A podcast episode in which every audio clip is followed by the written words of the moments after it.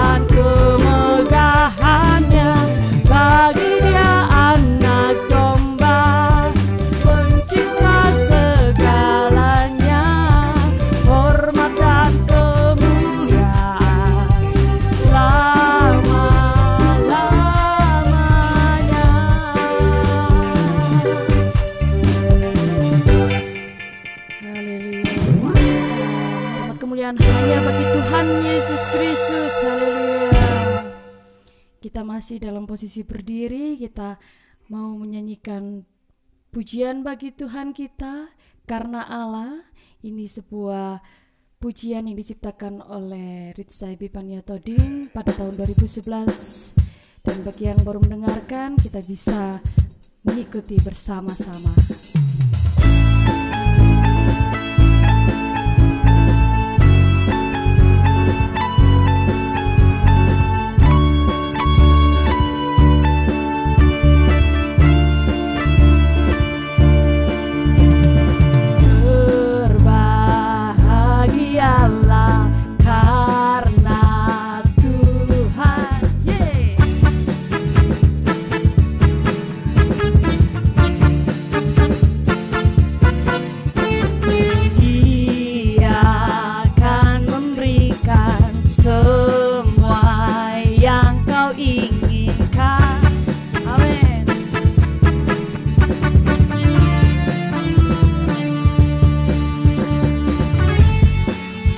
Saudara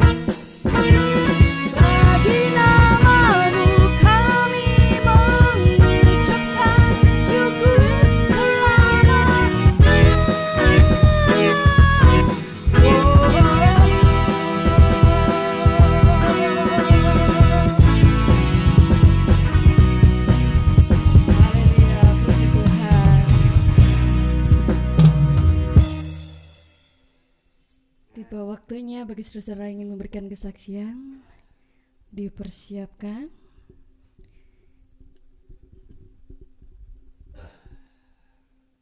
Ya. Saudara-saudara dipersilakan untuk duduk kembali. Sambil menunggu, kita akan menaikkan pujian tak sedetik pun.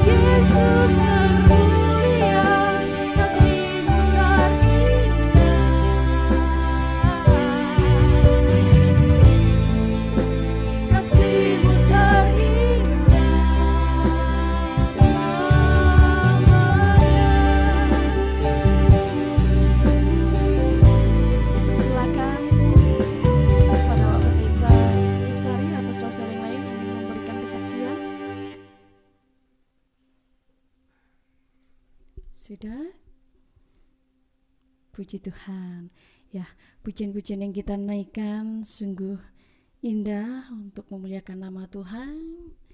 Mungkin bisa cerita sedikit Saudari Epi yang menciptakan lagu tadi terkait uh, judul karena Allah ya itu bagaimana tiba-tiba terciptanya lagu tersebut ya jadi itu um, saat posisi saya masih kelas 2 SMK di Jakarta masih magang di sana. Kemudian uh, saya memang terlibat dalam pelayanan di salah satu gereja di sana. Dan uh, rasanya itu menyala-nyala untuk memuji Tuhan. Sehingga uh, Roh Kudus sendiri yang memimpin saya untuk bisa menciptakan lagu tersebut dengan lirik yang sudah ada tadi dinyanyikan bersama. Jadi memang um, itu semua berdasar pada firman Tuhan juga jadi uh, Tuhan akan memberikan apa pun yang kita uh, rindukan minta doakan asal kita bersuka cita aja bersuka cita sebagai tanda bahwa kita beriman, kita uh, memiliki Allah yang luar biasa, Allah yang hebat. Ya, puji Tuhan, haleluya. Itu tahun 2011 itu ya? Iya, itu tahun iya, 2011. puji Tuhan. Iya. Ya, selanjutnya kita akan bersama-sama membaca kitab Yeskiel pasal 46 ayat 1 hingga 24. Mari kita baca bersama-sama Yeskiel 46 1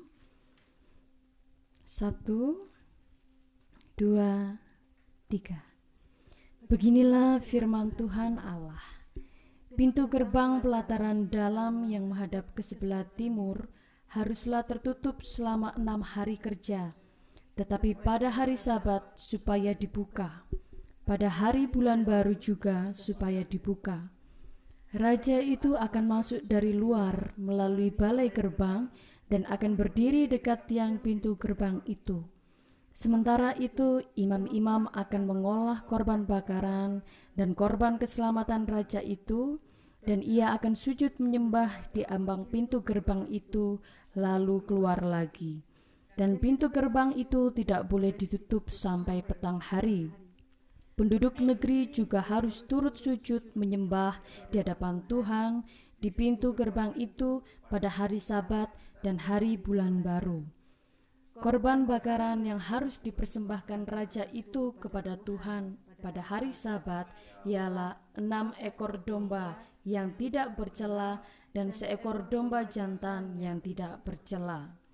Korban sajian dari domba jantan harus diolah dengan satu eva tepung, tetapi korban sajian dari domba-domba yang lain bergantung pada kemampuannya, serta minyak satu hin untuk satu eva. Pada bulan baru harus dipersembahkan seekor lembu jantan muda yang tiada bercela, serta enam ekor domba dan seekor domba jantan yang tiada bercela. Sebagai korban sajian, ia harus mengolah satu eva tepung dengan seekor lembu dan satu eva tepung dengan seekor domba jantan. Tetapi korban sajian dari domba-domba lain bergantung pada kemampuannya serta minyak satu hin untuk satu eva. Kalau raja hendak masuk ke dalam, ia harus masuk melalui balai gerbang dan keluar dari situ juga tetapi kalau penduduk negeri pada perayaan-perayaan yang tetap berkumpul di hadapan Tuhan dan yang masuk melalui pintu gerbang utara untuk turut sujud menyembah, biarlah mereka keluar melalui pintu gerbang selatan. Dan yang masuk melalui pintu gerbang selatan, biarlah keluar melalui pintu gerbang utara. Janganlah seorang kembali melalui pintu gerbang kemasukannya, tetapi masing-masing harus keluar dari pintu gerbang yang di depannya. Mengenai raja itu, ia akan masuk bersama-sama mereka dan keluar bersama-sama mereka. Pada hari-hari raya dan perayaan-perayaan yang tetap harus ada korban sajian, yaitu satu eva tepung diolah dengan seekor lembu jantan dan satu eva tepung diolah dengan seekor domba jantan Tetapi korban sajian dari domba-domba yang lain bergantung pada kemampuannya, serta minyak satu hin untuk satu eva. Kalau raja mengolah korban bakaran sukarela atau korban keselamatan sukarela bagi Tuhan, maka orang harus membukakan pintu gerbang sebelah timur untuk dia, dan ia akan mempersembahkan korban bakarannya dan korban keselamatannya itu seperti ia perbuat pada hari Sabat. Kemudian ia keluar, dan sesudah ia keluar, pintu gerbang harus ditutup. Tiap hari ia harus mengolah domba yang berumur satu tahun dan yang tiada bercela sebagai korban bakaran bagi Tuhan. Setiap pagi ia harus melakukan itu. Di samping itu, setiap pagi ia harus mempersembahkan korban sajian seperenam eva tepung dengan minyak seperti gahin untuk mencampur tepung yang terbaik itu. Itulah korban sajian bagi Tuhan dan ketetapan itu tetap selama-lamanya. Demikianlah mereka harus mempersembahkan domba dan korban sajian dan minyak setiap pagi sebagai korban bakaran yang tetap Beginilah firman Tuhan Allah. Kalau raja itu memberi sesuatu pemberian dari milik pusakanya kepada salah seorang anaknya, maka itu menjadi kepunyaan anaknya, dan milik ini menjadi pusaka mereka. Kalau ia memberikan pemberian dari milik pusakanya kepada salah seorang hambanya, maka itu menjadi kepunyaannya sampai tahun kebebasan lalu harus kembali kepada raja itu. Hanya anak-anak raja itu boleh mewarisi milik pusakanya. Dan janganlah raja itu mengambil sesuatu dari milik pusaka rakyat, sehingga mereka terdesak dari miliknya. Hanya dari miliknya boleh ia mewariskan kepada anak-anaknya, supaya jangan seorang pun dari umatku didesak dari miliknya. Tempat memasak korban-korban. Lalu dibawanya aku melalui pintu masuk yang di samping pintu gerbang ke bilik-bilik untuk para imam yang di sebelah utara tempat kudus. Dan sungguh di sana di bahagian barat sekali ada suatu tempat. Ia berkata kepadaku, Di sinilah tempatnya imam-imam memasak korban penebus salah dan korban penghapus dosa dan membakar korban sajian dan mereka tidak boleh membawanya ke pelataran luar supaya dengan demikian mereka jangan menguduskan umat Tuhan. Kemudian diiringnya aku ke pelataran luar dan membiarkan aku pergi ke empat sudut pelataran itu. Sungguh di tiap sudut pelataran itu ada lagi pelataran. Pada keempat sudut pelataran itu ada pelataran-pelataran kecil 40 hasta panjangnya dan 30 hasta lebarnya. Keempatnya sama ukurannya. Mengelilingi keempat pelataran kecil itu ada tembok batu dan di bagian bawah tembok-tembok batu itu sekelilingnya diperbuat tempat-tempat memasak. Ia berkata kepadaku, inilah dapur tempat memasak, di mana petugas-petugas bait suci memasak korban sembelihan umat Tuhan. Demikian pembacaan kitab Yeskiel pasal 46. Selanjutnya kita akan bersama-sama mendengarkan firman Tuhan. Kiranya firman Tuhan yang akan disampaikan kita dapat ingat dan melakukannya. Ajar kami Tuhan menghitung hari-hari kami agar kami beroleh hati bijaksana. Kita naikkan pujian ini.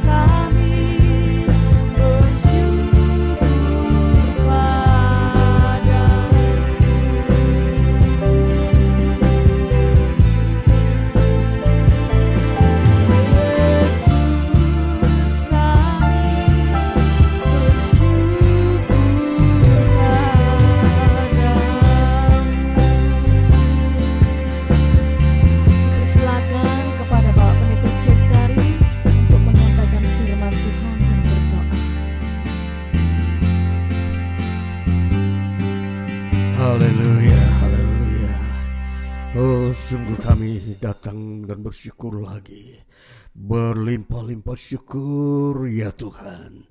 Karena syukur itu adalah pengagungan kepada Tuhan yang ada dan berkuasa dan ajaib senantiasa. Hari ini kami mau mendengarkan firman-Mu biarlah kasih setia Tuhan.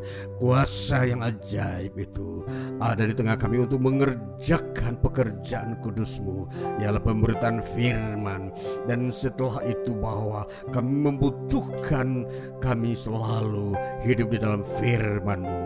Dan inilah tuntunan kami kami membutuhkan pengenalan kami akan wahyu Tuhan untuk hidup hari lepas hari di dunia ini. Maka ya Tuhan ini kami Bapa mau mendengarkan firman-Mu dan memberitakan firman-Mu. Terjadilah dalam kuasa nama Yesus Kristus Tuhan pencipta langit dan bumi. Maka dalam nama Tuhan Yesus kami berdoa. Haleluya.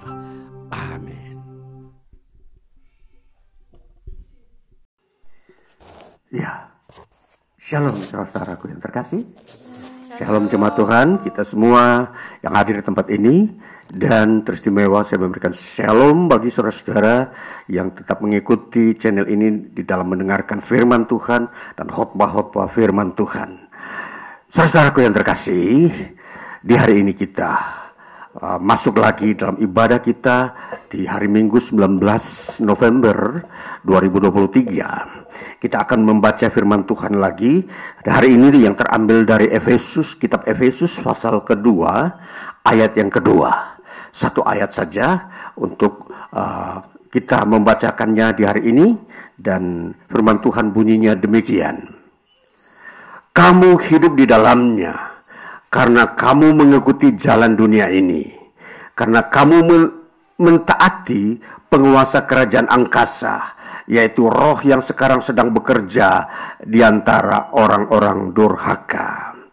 Saudara, hari ini berdasarkan firman Tuhan, satu ayat saja dari kitab Efesus pasal yang kedua ini, ayat yang kedua, kita mau berada di bawah sebuah uh, tema ialah keluar dari jeratan setan. Ya, keluar itu nanti kita akan melihat ada latar belakang. Saudara, kalau kita melihat kehidupan di dunia ini, kita tidak bisa hanya uh, melihat satu sisi uh, pribadi, yaitu kita tidak hanya melihat uh, Tuhan bekerja, ya. Kita tidak hanya melihat uh, bagaimana Allah dengan kuasanya bekerja untuk menyelamatkan manusia dari dosa dan mengampuni dosa. Tapi kita melihat sisi yang lain, yaitu bagaimana setan juga bekerja di dunia ini yang mau menyesatkan atau membawa manusia jauh dari Allah. Nah ini saudara-saudara, jadi uh, sesungguhnya ayat ini sedang mau uh, ditampilkan untuk melihat atau membuka wawasan kita bahwa kehidupan di dunia ini ada pribadi yang uh, mempengaruhi kehidupan kita secara negatif. Yang harus kita ketahui, yang kita uh, lihat di bagian ini yang dikatakan ada pengaruh roh-roh setan. Nah, jadi Tema ini sengaja saya sampaikan, dikatakan keluar dari jeratan setan. Artinya bahwa saudara-saudara, saya ingin mau menampilkan sisi yang uh, uh, secara objektif, bahwa sering kali kita uh, tidak mau terbuka, kita sulit atau tidak mau terang-terangan membuka ada satu pribadi yang bersembunyi di dunia ini yang disebut iblis atau setan yang selalu mengganggu, merusak kehidupan manusia. Ya, jadi ini saya mau bukakan secara objektif bahwa kita harus benar-benar terang melihat bahwa setan ada, setan pun bekerja untuk merusak kehidupan manusia. Ya, Tentunya kalau saya uh, memberikan kesaksian pelayanan saya bagaimana mengusir roh-roh setan, memang uh, di sini terasa saudara-saudara. Saya sudah beberapa kali uh, dipanggil untuk pergi mengusir roh-roh setan yang uh, tinggal di satu rumah yang kosong ya. Di situ pemilik rumah uh, sering kali merasa terganggu karena sering mendengar suara-suara yang uh, me memilukan hati atau menakutkan jiwa ya sering kali terdengar uh, setiap hari jam-jam tertentu terdengar suara tangisan-tangisan uh, histeris orang-orang yang tidak dikenal ya masih ada uh, suasana suasana suasana dalam rumah yang uh, seram ya. Ini ini uh, sering kali ada saat ini. Itulah sebabnya kenapa saya mau membuka secara objektif dalam pemberitaan Injil hari ini bahwa keluar dari jeratan setan. Saudara, setan atau roh-roh jahat bekerja tidak hanya sebatas pada hal-hal mistis, hal-hal yang serem, yang menakutkan, ya, atau merasuk orang sehingga dia tidak uh, sadar akan uh, pribadinya yang sedang ada. Dia tidak bisa mengontrol dirinya. Ya, seperti saya beberapa minggu terakhir ini saya dalam pelayanan saya ke Jogja ada seorang putri yang memang dia telah uh, mengalami uh, sebuah uh, pribadi yang tidak tidak uh, terkontrol dirinya ya. Ya sering kali dia sedih sendiri sering uh, dia merasa uh, kambuh dan menangis sendiri ya. Ini saudara-saudara dia memang uh, telah mengalami sebuah uh, kerja iblis secara tidak sadar bertahun-tahun yang lalu. Dan kini saatnya dia mengalami sebuah manifestasi yang memang membuat dia di, uh, sendiri merasa rugi atau tidak mengalami perkembangan kehidupan uh, pribadinya yang sudah dewasa. Nah, saudara, jadi di sini saya mau uh, saksikan bahwa betapa iblis roh setan ini mempunyai kuasa atau power di dalam merasuk dan menguasai manusia. Ini saudara-saudara ini fakta dan objektif kalau kita mau melihat uh, bagaimana roh jahat, roh setan uh, ini uh, me, meng, uh, mengontrol ya, mengontrol pribadi seseorang. Nah, saudara-saudara, di dalam Efesus pasal kedua di sini dikatakan kamu hidup di dalamnya karena kamu mengikuti jalan dunia ini. Ya.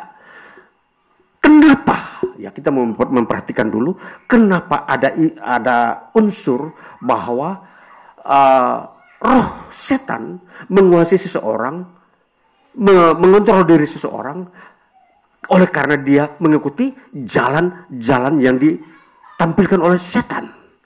Nah, mengapa seperti itu, saudara-saudara? Dan kita mau memperhatikan bahwa apa yang setan lakukan itu otoritasnya setan. Iblis mempunyai otoritas di dunia ini di dalam dia mempengaruhi manusia. Itulah sebabnya Allah pun ketika mau menyelamatkan manusia dari uh, otoritas setan, Allah memakai otoritasnya juga untuk menolong manusia. Jadi otoritas-otoritas ini, pribadi-pribadi yang memiliki kuasa ini, inilah yang sedang mempengaruhi manusia. Kalau Allah mempengaruhi manusia supaya mereka diselamatkan dan diberkati. Sedangkan iblis mempengaruhi manusia untuk membuat manusia menderita. Nah, kita memperhatikan. Jadi kita memperhatikan bagaimana otoritas yang sisi gelap ini yang uh, enggan ditampilkan oleh banyak orang. Yang mungkin orang merasa uh, tabu berbicara tentang iblis.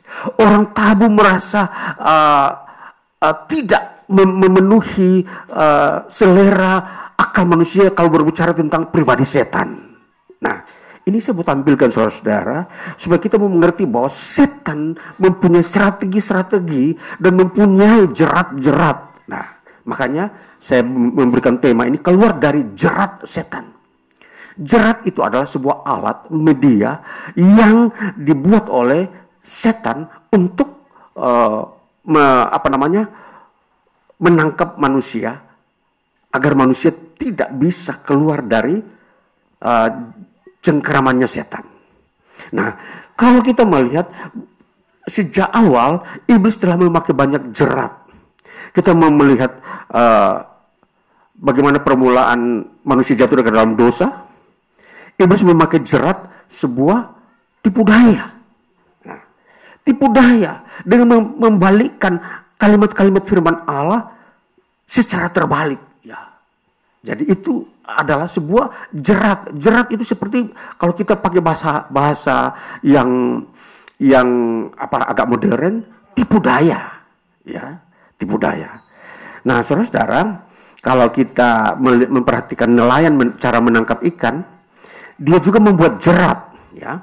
Jerat itu uh, tentunya kalau itu jala, jala itu adalah jerat untuk menangkap ikan. Bagaimana caranya supaya ikan itu ditangkap dengan mudah? Dia memberikan sebuah makanan, ya, makanan di suatu lokasi di mana ikan itu senang makan, lalu dia berkumpul di satu lokasi, baru si nelayan ini ini melemparkan jalannya, teng, semua ikan yang berada di sekitar makanan itu ketangkap. Ini jerat namanya saudara-saudara.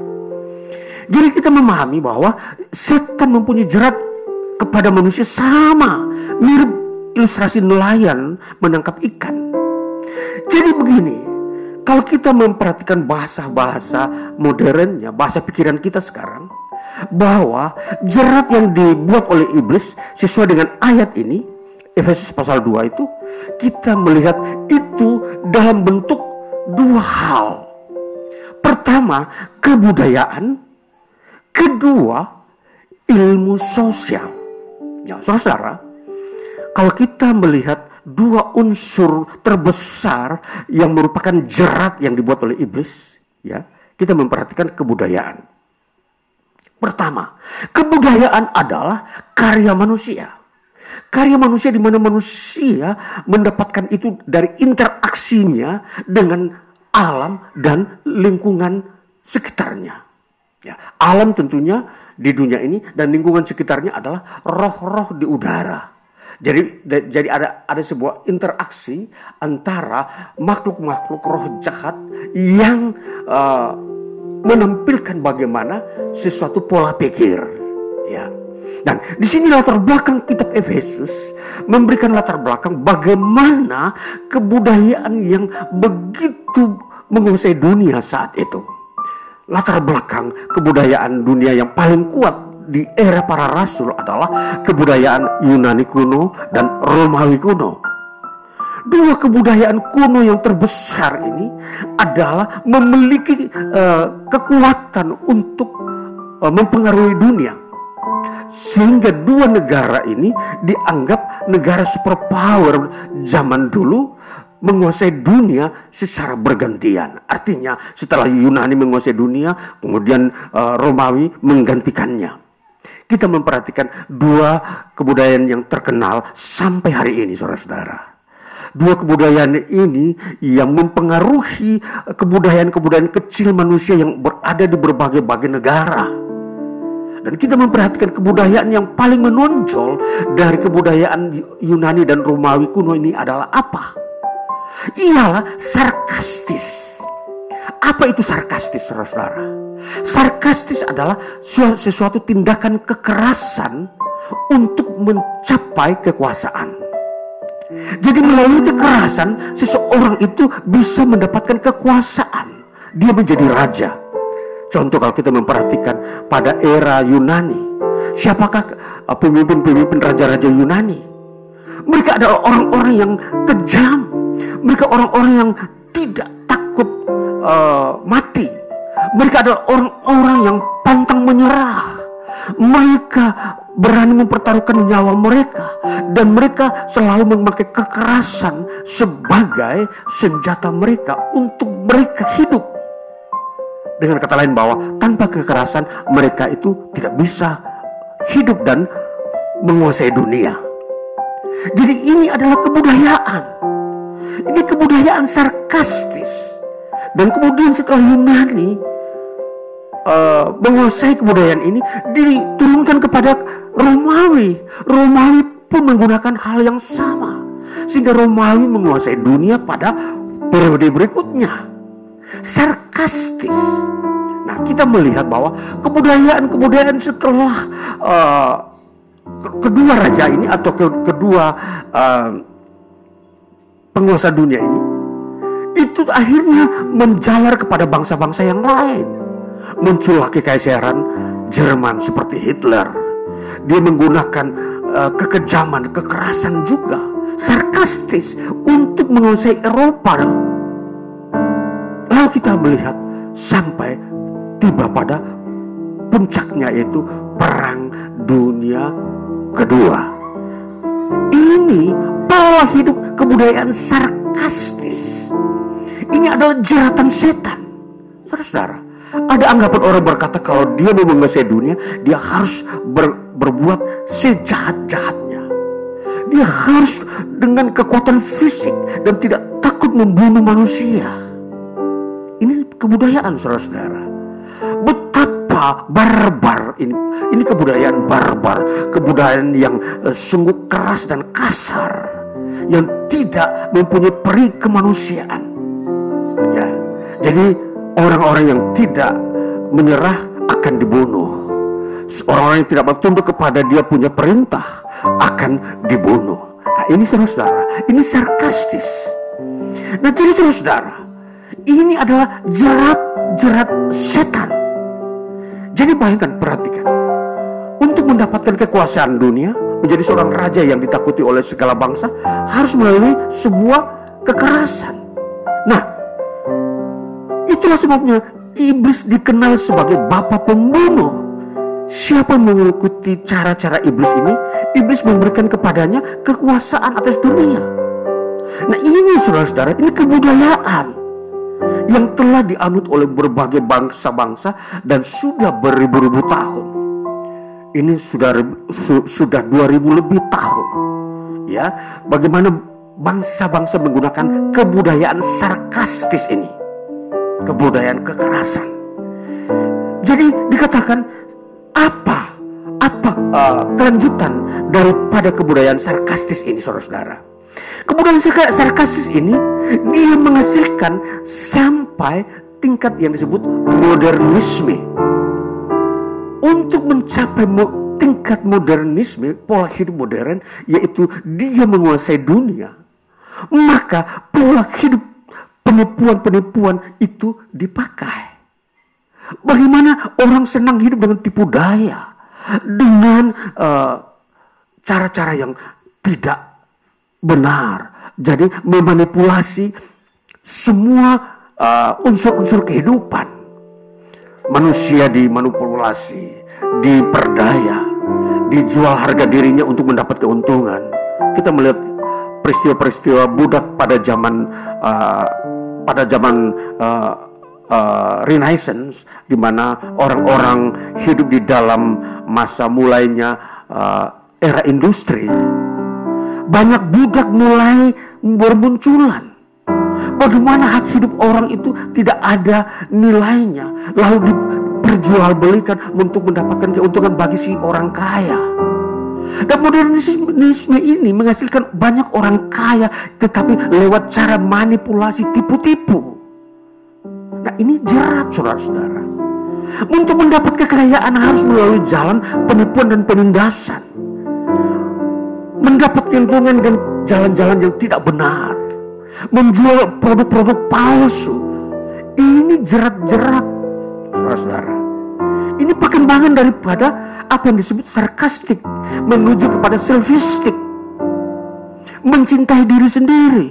Orang lain dikorbankan demi kekayaan diri sendiri. Ini selfistik namanya.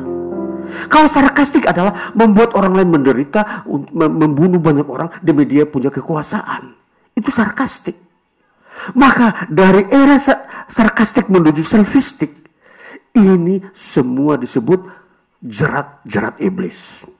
Makanya firman Tuhan berkata di dalam uh, kitab Galatia. Nanti kita akan memperhatikan bagaimana di situ dosa-dosa yang mempengaruhi manusia. Nanti kita baca sebentar. Kitab Galatia pasal yang kelima. Kita baca Galatia pasal yang kelima ayat 20. Dikatakan begini.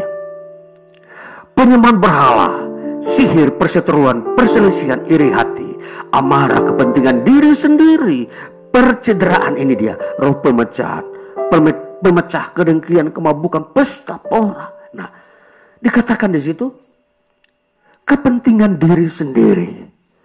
Di dalam kita memahami dosa-dosa atau jerat-jerat iblis, ada istilah kepentingan diri sendiri, selfistic. Kalau percederaan tadi, sarkastik, suka membuat orang lain menderita, bahkan membunuh. Dan ini jerat-jerat yang ada di dunia ini yang sudah dipakai oleh banyak atau banyak bangsa dan uh, bertahun-tahun berabad-abad itu dipakai. Dan munculnya banyak uh, penderitaan di muka bumi karena era ini saudara-saudara.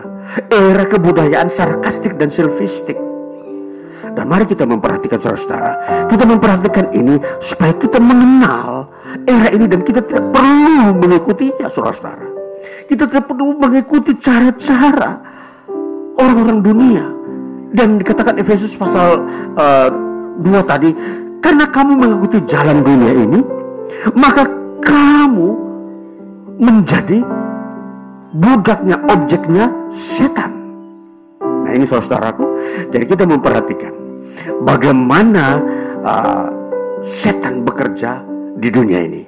Dia memakai media-media yang sepertinya tidak uh, tidak mungkin ditolak oleh manusia. Membuat manusia terperdaya. Bayangkan dikatakan keuntungan yang besar, tapi di atas penderitaan orang lain. Menjual, sekarang menjual anak-anak, menjual gadis-gadis, menjual orang ke luar negeri. Dia menawarkan mereka dengan gaji sekian karena dia pengangguran, karena semua bangsa mengalami krisis. Tapi dia menjual itu, dia mendapat keuntungan yang besar. Ini dia jerat. Ini dosa kepentingan diri sendiri. Selfistic namanya. Dia ingin memperkaya diri dengan jalan yang tidak benar. Menjual organ-organ tubuh manusia. Berani uh, membunuh orang lain untuk mengambil organ-organ vitalnya lalu diperjualkan ke negara lain. Ini jerat-jerat saudara. Mari kita memperhatikan ayat yang uh, yang kita baca tadi.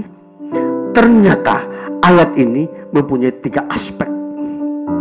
Aspek ini, aspek yang pertama adalah aspek yaitu orang-orang yang tidak bersekutu dengan Allah Mari kita memperhatikan ayat ini di dalam bagian uh, kitab Efesus pasal 4 ayat 14. Kita melihat Efesus pasal 4 ayat 14. Ayat ini bunyinya begini.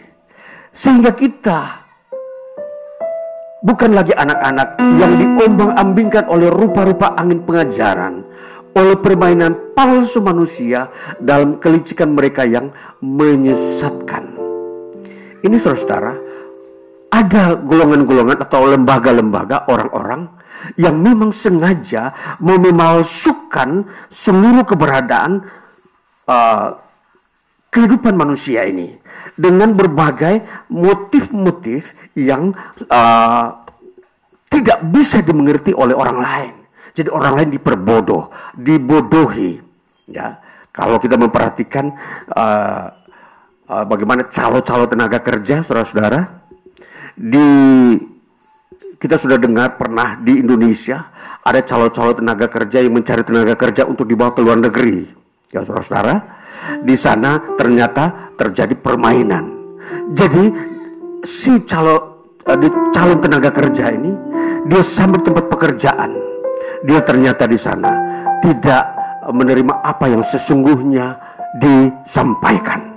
Nah banyak kasus-kasus yang pernah terjadi tahun-tahun sebelumnya uh, ya dua-dua dekade yang lalu tahun-tahun 2000 2002 uh, dan seterusnya banyak tenaga kerja Indonesia yang dibodohi oleh orang-orang yang mencari keuntungan sendiri lalu dibawa ke luar negeri. Ini disebut uh, membodohi manusia sesamanya. Ini adalah jebakan. Saudara, banyak orang tampil dengan keuntungan yang besar, menawarkan keuntungan. Jangan percaya saudara-saudara, ini sebuah kebodohan-kebodohan. Banyak muncul di YouTube juga. Ada penawaran kerja satu hari gajinya bisa uh, eh, 6 juta atau 600 ribu sampai 900 ribu satu hari saudara-saudara. Ini sesuatu yang membodohi. Masih ada.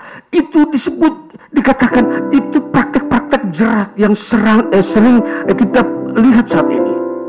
Banyak jerat-jerat yang dibuat oleh iblis untuk membuat orang lain mengalami kerugian.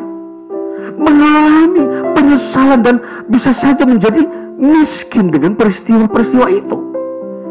Dan ini yang kita harus perhatikan. Jangan kamu mengikuti jalan yang diajarkan oleh orang-orang yang penyembah-penyembah dunia dan setan ini.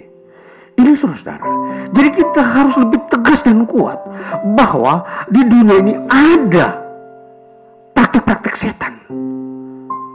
Jadi bagaimana kita mengenal praktek setan ini melalui tawaran yang manis. Tuhan tidak pernah menawarkan sesuatu yang muluk-muluk. Tuhan hanya berkata percaya. Percaya. Ini. Tapi kalau setan menawarkan, dia akan memberikan kekayaan, kekayaan, kekayaan. Ini sesuatu yang kontradiksi saudara-saudara. Berbeda. Jadi mari kita mau belajar mendengar firman Tuhan supaya kita semakin cerdas. Kita tidak hanya bukan hanya kita mengerti tentang kebenaran Tuhan, tapi kita harus mengerti bagaimana kelicikan setan di dalam menipu akal kita.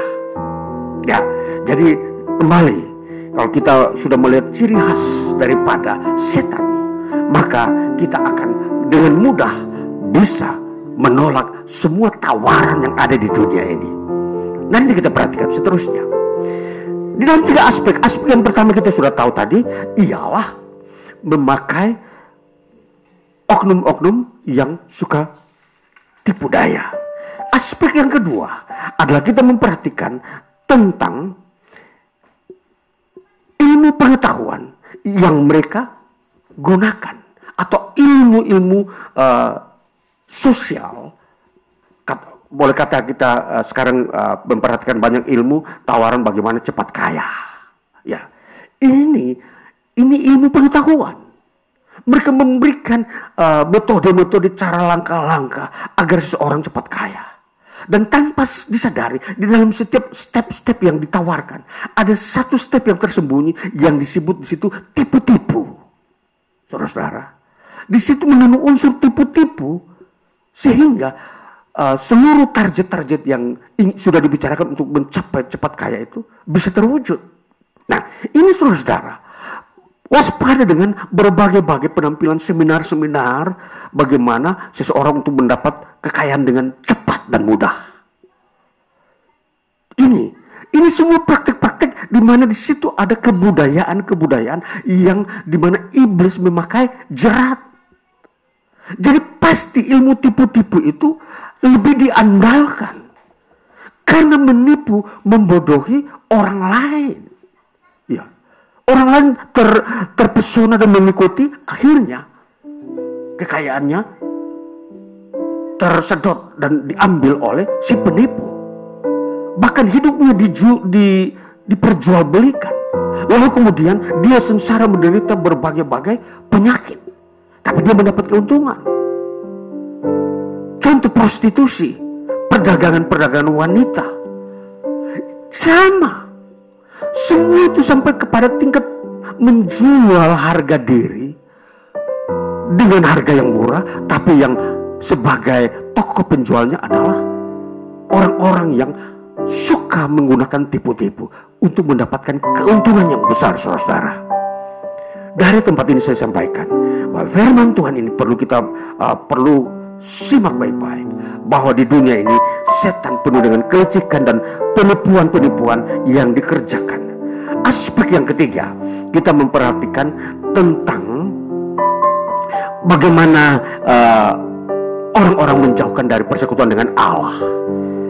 Aspek yang ketiga ini adalah aspek yang paling mengerikan saudara-saudara.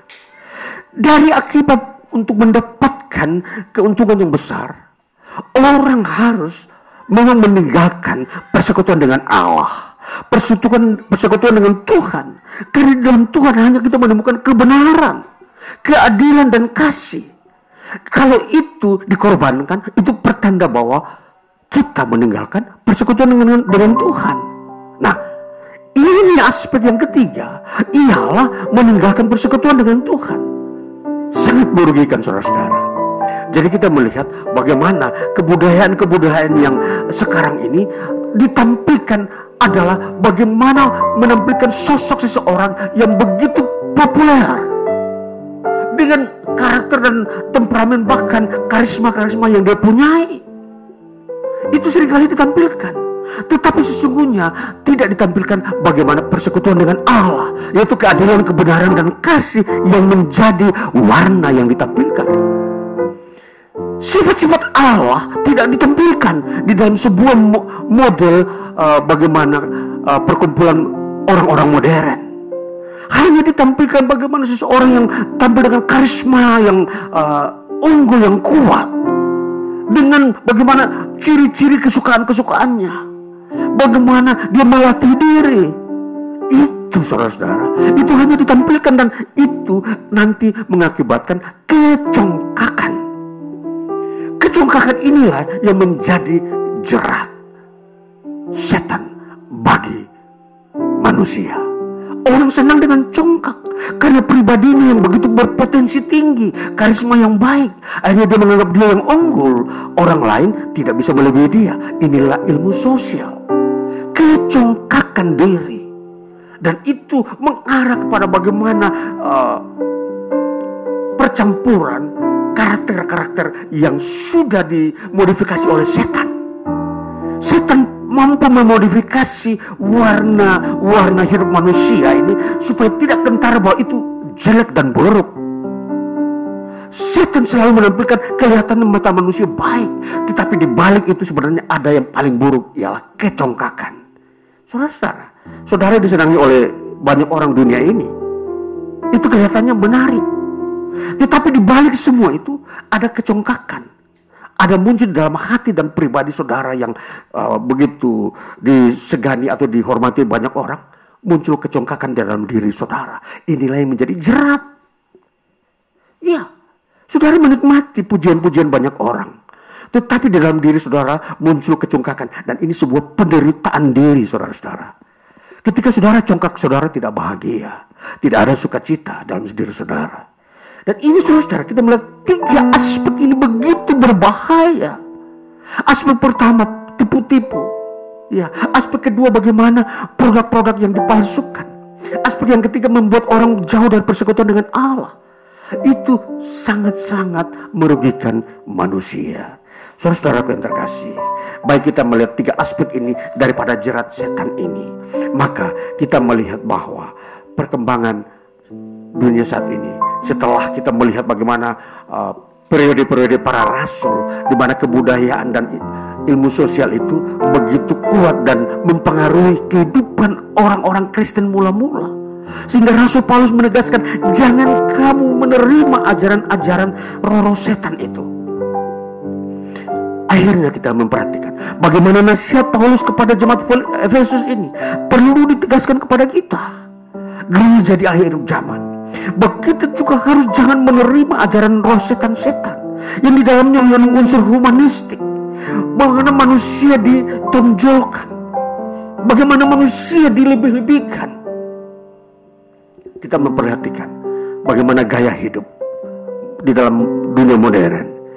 Semua mendewakan emas, pakaian-pakaian mode yang begitu uh, mutakhir saat-saat ini dengan penampilan jenis-jenis kain yang begitu mahal dan indah.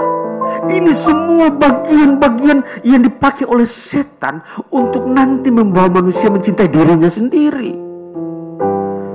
Dia akan menjadi seorang yang dikatakan paling indah dan paling anggun di antara manusia di muka bumi. Dan memakai pakaian yang paling paling berharga yang paling membuat daya tarik banyak orang. Saudara, ini gaya hidup. Dan ini bagian daripada jerat setan, saudara-saudara.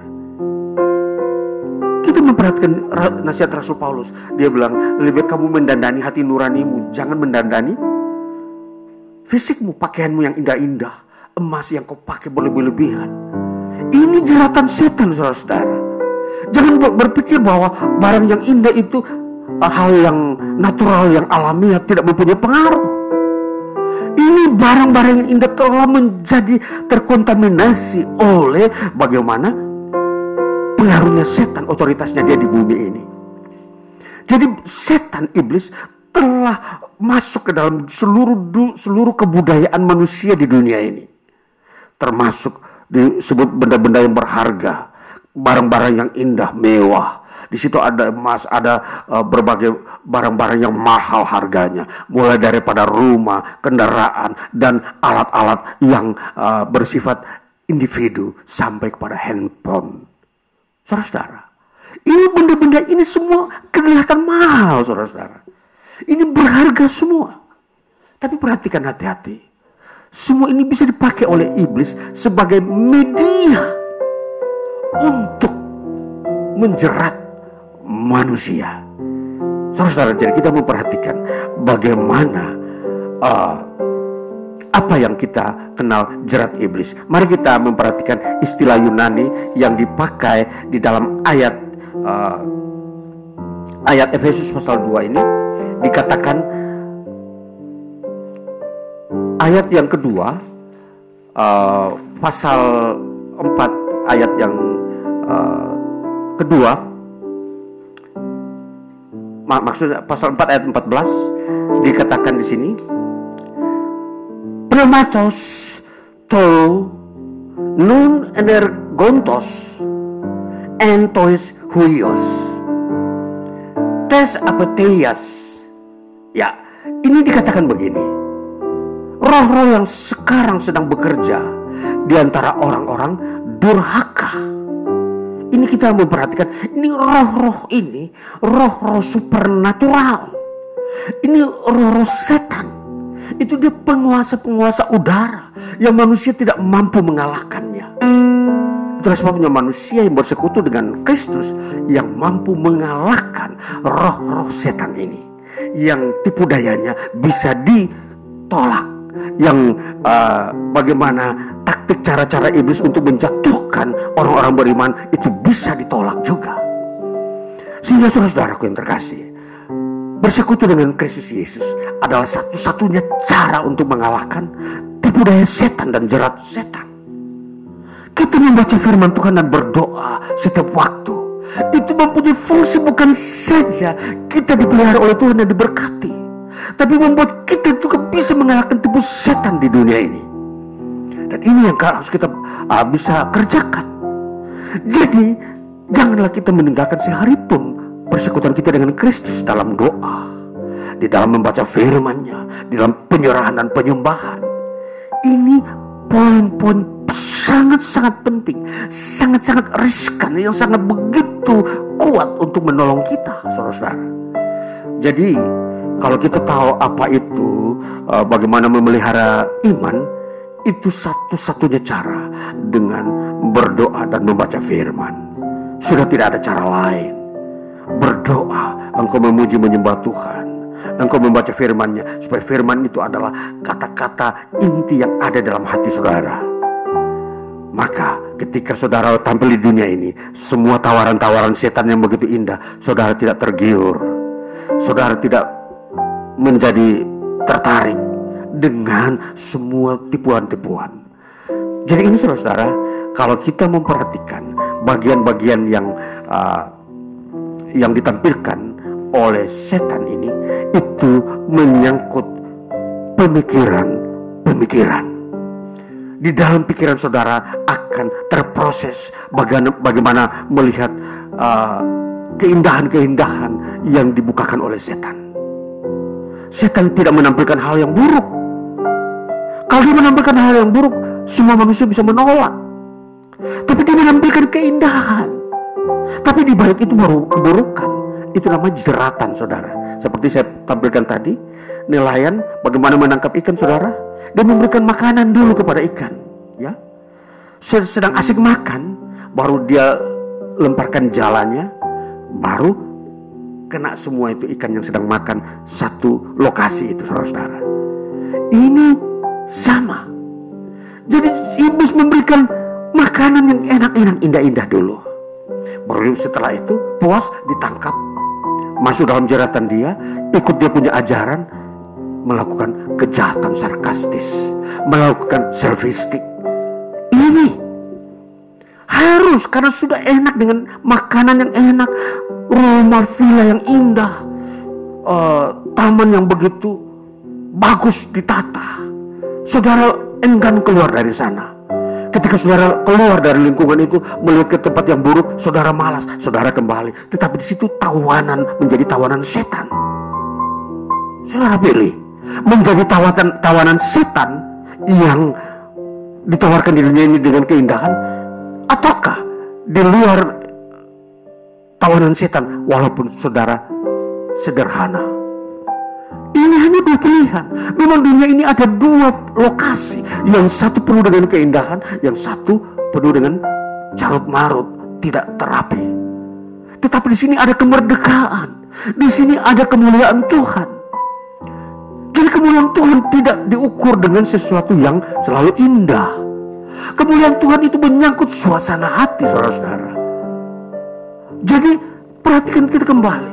Jadi jangan mengukur kemuliaan Tuhan itu dengan taman yang indah, rumah yang begitu luks, dan semua fasilitas yang lengkap. Kemuliaan Tuhan itu bukan bersifat fisik. Jadi perhatikan. Jadi jangan kita terpesona dengan sesuatu yang indah dulu. Kita harus tetap di dalam kebenaran Tuhan. Nanti kita memperhatikan dalam kitab Galatia pasal 5 tadi bahwa sesungguhnya dosa-dosa tawaran setan ini mempunyai dua efek yaitu penyakit dan penderitaan. Mari kita memperhatikan dalam Galatia 20 Galatia 5 ayat 20 dikatakan di situ ada perseteruan, perselisihan, iri hati, amarah. Itu bagian-bagian daripada akibat yang penyakit era modern sekarang ini banyak muncul penyakit-penyakit baru saudara-saudara. Penyakit yang memang belum sempat ditemui oleh para uh, ahli-ahli kedokteran. Sudah banyak orang mengalami mengalami penyakit. Belum menemukan obatnya muncul penyakit. Saudara, ini apa? Apa penyebab mengapa demikian? Karena ada dosa-dosa yang hasil jeratan setan yang membawa penyakit. Nah ini saudara-saudara. Kalau saudara senang hidup dalam perseteruan, perselisihan, iri hati, amarah, itu adalah jeratan setan yang dari hasil akibat daripada tipu-tipu tadi. Orang yang suka uh, tipu-tipu menjalani uh, segala ajaran-ajaran setan, dia akan muncul kepada perselisihan. Ujung-ujungnya dia iri hati, dia amarah, dia perseteruan. Dan lebih ujung lagi, dia menderita penyakit Saudara, jadi setan menampilkan penyakit akhir daripada hidup manusia. Menderita bukan? Setelah dia dikenyangkan oleh setan dengan berbagai keindahan di dunia ini. Dengan berbagai cara-cara yang jahat. Tetapi ujung akhir hidupnya hidup dengan sakit penyakit. Saudara, lain halnya yang berikutnya. Ada faktor yang berikutnya yang ujungnya adalah penderitaan. Yaitu kalau terjadi percederaan, roh pemecah, kemabukan, pesta pora, dan kepentingan diri sendiri. Itu menghasilkan penderitaan saudara. Penderitaan batin. Sukar tidur, insomnia. Mau tidur, harus memakai obat tidur saudara-saudara. Ini penderitaan. Karena telah mengikuti jalannya setan.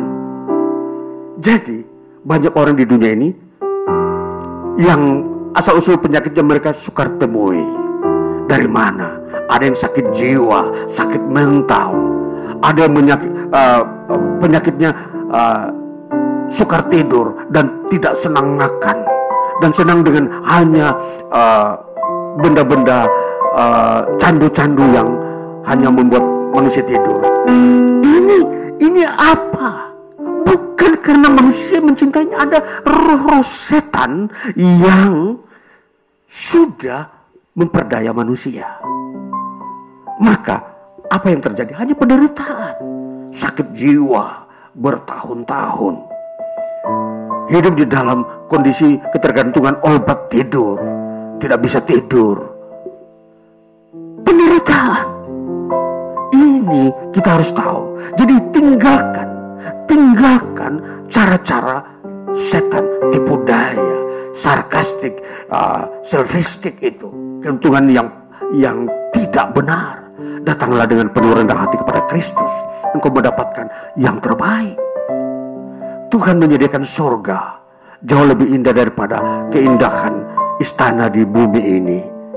Villa yang termahal di dunia ini itu tidak bisa lebih indah daripada kerajaan surga. Saudara-saudara, jadi kita memperhatikan bahwa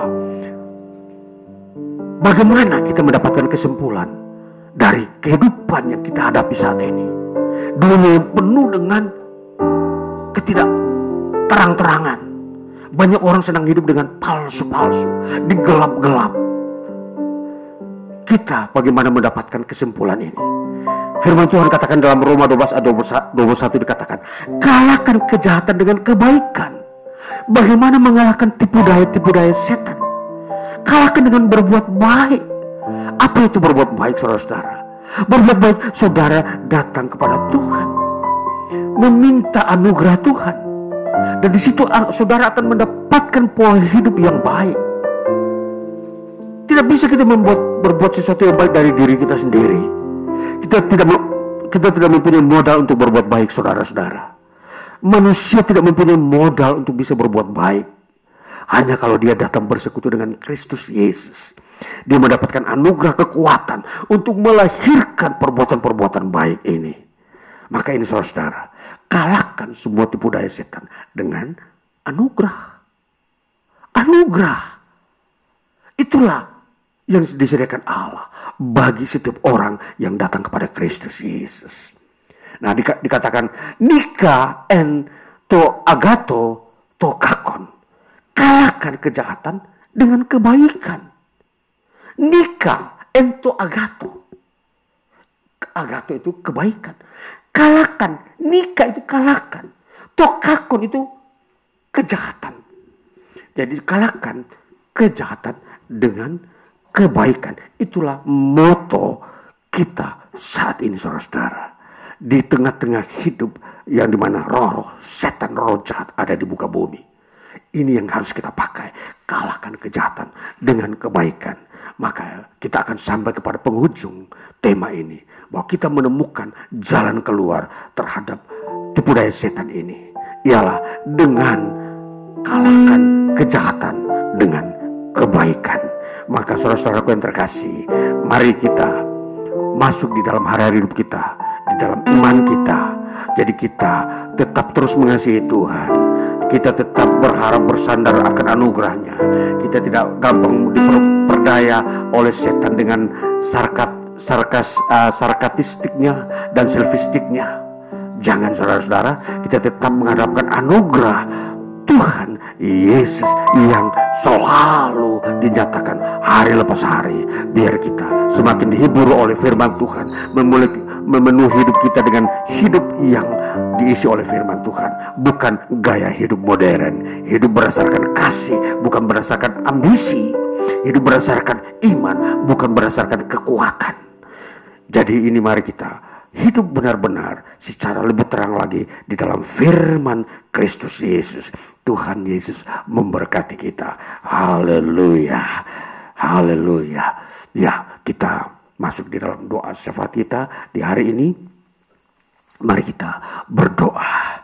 Kami bersyukur Bapa Tuhan yang mempunyai firman yang mengajarkan anak-anakmu untuk berhikmat bagaimana melihat kebenaran-kebenaran Tuhan lebih mencintai Tuhan dan tidak mudah diperdaya oleh setan. Setan selalu membawa tipu daya kepada manusia supaya manusia mencintainya dengan berbagai model-model bagi itu kekayaan keindahan dan semua makanan-makanan yang uh, melesatkan membuat mereka gembira. Seringkali ini menjadi juga uh, jeratan setan. Maka kami berdoa Tuhan dengan iman yang kau berikan bagi kami supaya kami dapat menolak. Tipu daya setan kami lebih memilih anugerah kami lebih memilih iman di mana Tuhan ada dan memberkati setiap usaha kami. Tuhan memberkati umatmu. Biarlah umat, umatmu semakin berhikmat, memiliki kebijaksanaan di dalam hidup mereka. Supaya mereka semakin cemerlang. Mereka tidak gampang diperdaya, diombang ambingkan oleh dunia dan ajaran setan-setan. Tuhan kami berdoa supaya roh kudus menyatakan membukakan rahasia anugerah itu begitu indah. Anugerah itu lebih berharga dan indah di kemuliaan Tuhan. Di era-era di mana Tuhan akan memerintah kehidupan umat manusia di masa-masa akan datang. Kami bersyukur hari ini Bapa karena berkatmu lagi melalui firmanmu. Biar umatmu diperkaya, dikuatkan, diteguhkan. Sehingga mereka tetap berjalan dalam jalan sukacita. Hidup dalam kelimpahan-kelimpahan uh, sukacita anugerah Tuhan. Kebahagiaan-kebahagiaan yang mereka dapati. Tuhan Yesus ampuni segala kelemahan kesalahan yang pernah dijalani atau dialami dialami oleh setiap umatmu di mana pun mereka berada yang mendengarkan firmanmu hari ini. Biar mereka mendapatkan pengampunan mendapatkan pemulihan dan kembali menuruti jalan-jalan yang benar jalan-jalan yang kuat di dalam Tuhan berkati setiap umatmu lagi ya Bapa. Mereka di dalam memasuki kehidupan rumah tangga pribadi dan pekerjaan. Di tengah lingkungan masyarakat mereka tidak eh, lemah tetapi mereka tampil dengan kekuatan terang Tuhan. Tampil dengan iman senantiasa sehingga mereka selalu menerangi dan memberikan teladan kehidupan yang baik, yang sukses di dunia ini. Kami bersyukur, kami berdoa untuk pekerjaanmu. Tuhan memberkati hamba-hambamu, gereja-gereja Tuhan yang selalu tampil dengan menampilkan firman Tuhan. Supaya banyak orang semakin dipulihkan, diubahkan hidupnya, hidup dalam damai sejahtera. Tuhan Yesus, kami berdoa supaya persekutuan kami dengan Tuhan semakin kuat, semakin kami dapatkan kelimpahan-kelimpahan dengan senang hati, dengan sukacita masuk dalam hadirat Tuhan untuk membaca firman-Mu. Kami berdoa untuk anak-anakmu yang sedang studi, mereka yang sedang uh, menimba ilmu-ilmu pengetahuan sekolah di dunia ini, supaya mereka uh, memiliki iman di dalam uh, menuntut ilmu. Dan mereka yang sudah bekerja, mereka pun juga tampil dengan iman, dengan kasih dari Tuhan. Semakin dewasa bertumbuh umatmu, di situ mereka semua tampil sebagai anak-anak Tuhan. Tuhan berkati setiap rumah tangga pula, supaya setiap rumah tangga selalu dipimpin oleh damai, ekonomi setiap rumah tangga. Tuhan berkati mereka, walaupun mereka sederhana cukup, tapi mereka tidak sakit-sakitan, mereka tidak uh, mengalami uh, kesukaran penderitaan-penderitaan fisik dan jiwa. Kami berdoa biar sukacita Tuhan memenuhi hari-hari hidup jemaatmu. Kuduskan kami semua. Kami berdoa Tuhan untuk lingkungan dan bangsa kami supaya juga dipengaruhi oleh roh Tuhan, oleh firman oleh kehidupan kami. Supaya terjadi perubahan, dilepaskan dari rantai-rantai ikatan iblis, kuasa kegelapan yang uh, menguasai bertahun-tahun, puluh-puluhan tahun. Itu supaya dibersihkan, dibersihkan bangsa kami semakin terang melihat kebenaran, melihat kasih, melihat keadilan sebagai alat yang benar di dalam hidup berbangsa dan bernegara. Berkati setiap anak-anakmu yang dalam usaha dan pekerjaan. Berkati mereka supaya mereka pun uh, bertumbuh dan mereka melihat bahwa Tuhanlah sumber satu-satunya uh, berkat itu. Mereka mencari Tuhan sebagai jalan satu-satunya untuk mendapat berkat kehidupan di dunia ini. Usaha mereka diberkati, pekerjaan mereka di swasta maupun pemerintah diberkati. Mereka kuat dan bertumbuh subur. Haleluya. Kami bersyukur menyerahkan semua ini anak-anakmu yang sakit hari ini Engkau sembuhkan mereka Lawat mereka dan darah Yesus menyucikan Sehingga mereka lepas dari penyakit Karena uh, pengaruh virus dan pengaruh kondisi-kondisi yang tidak baik alam dan uh, makanan yang mereka makan. Tuhan ampuni dan membuat mereka kuat kembali sehat. Kami bersyukur dan percaya Engkau sandaran hidup setiap kami umatmu sehingga kami bisa selalu kuat dan sehat. Terima kasih. Penuhi kami dengan roh kudusmu. Kenyangkan kami dengan kasih setia Tuhan. Karena kami menaikkan doa syafaat kami ini. Ya, di dalam satu nama-nama Tuhan Yesus Kristus. Dan biarlah turun anugerah Tuhan dari surga. Kasih daripada Bapa persekutuan dengan Tuhan Yesus Kristus menyertai kami umatmu hari ini terus sampai selama-lamanya. Dan dalam nama Tuhan Yesus kami berdoa sesuai dengan apa yang Tuhan ajarkan kepada kami. Bapa kami yang di surga dikuduskanlah namamu datanglah kerajaan Jadilah kehendakmu di bumi seperti di surga. Berikanlah kami pada hari ini makanan kami yang secukupnya dan ampunilah kami akan kesalahan kami. Seperti kami juga mengampuni orang yang bersalah kepada kami. Dan janganlah membawa kami ke dalam pencobaan tapi lepaskanlah kami daripada yang jahat. Karena engkau yang punya kerajaan kuasa dan kemuliaan sampai selama-lamanya. Terima kasih Yesus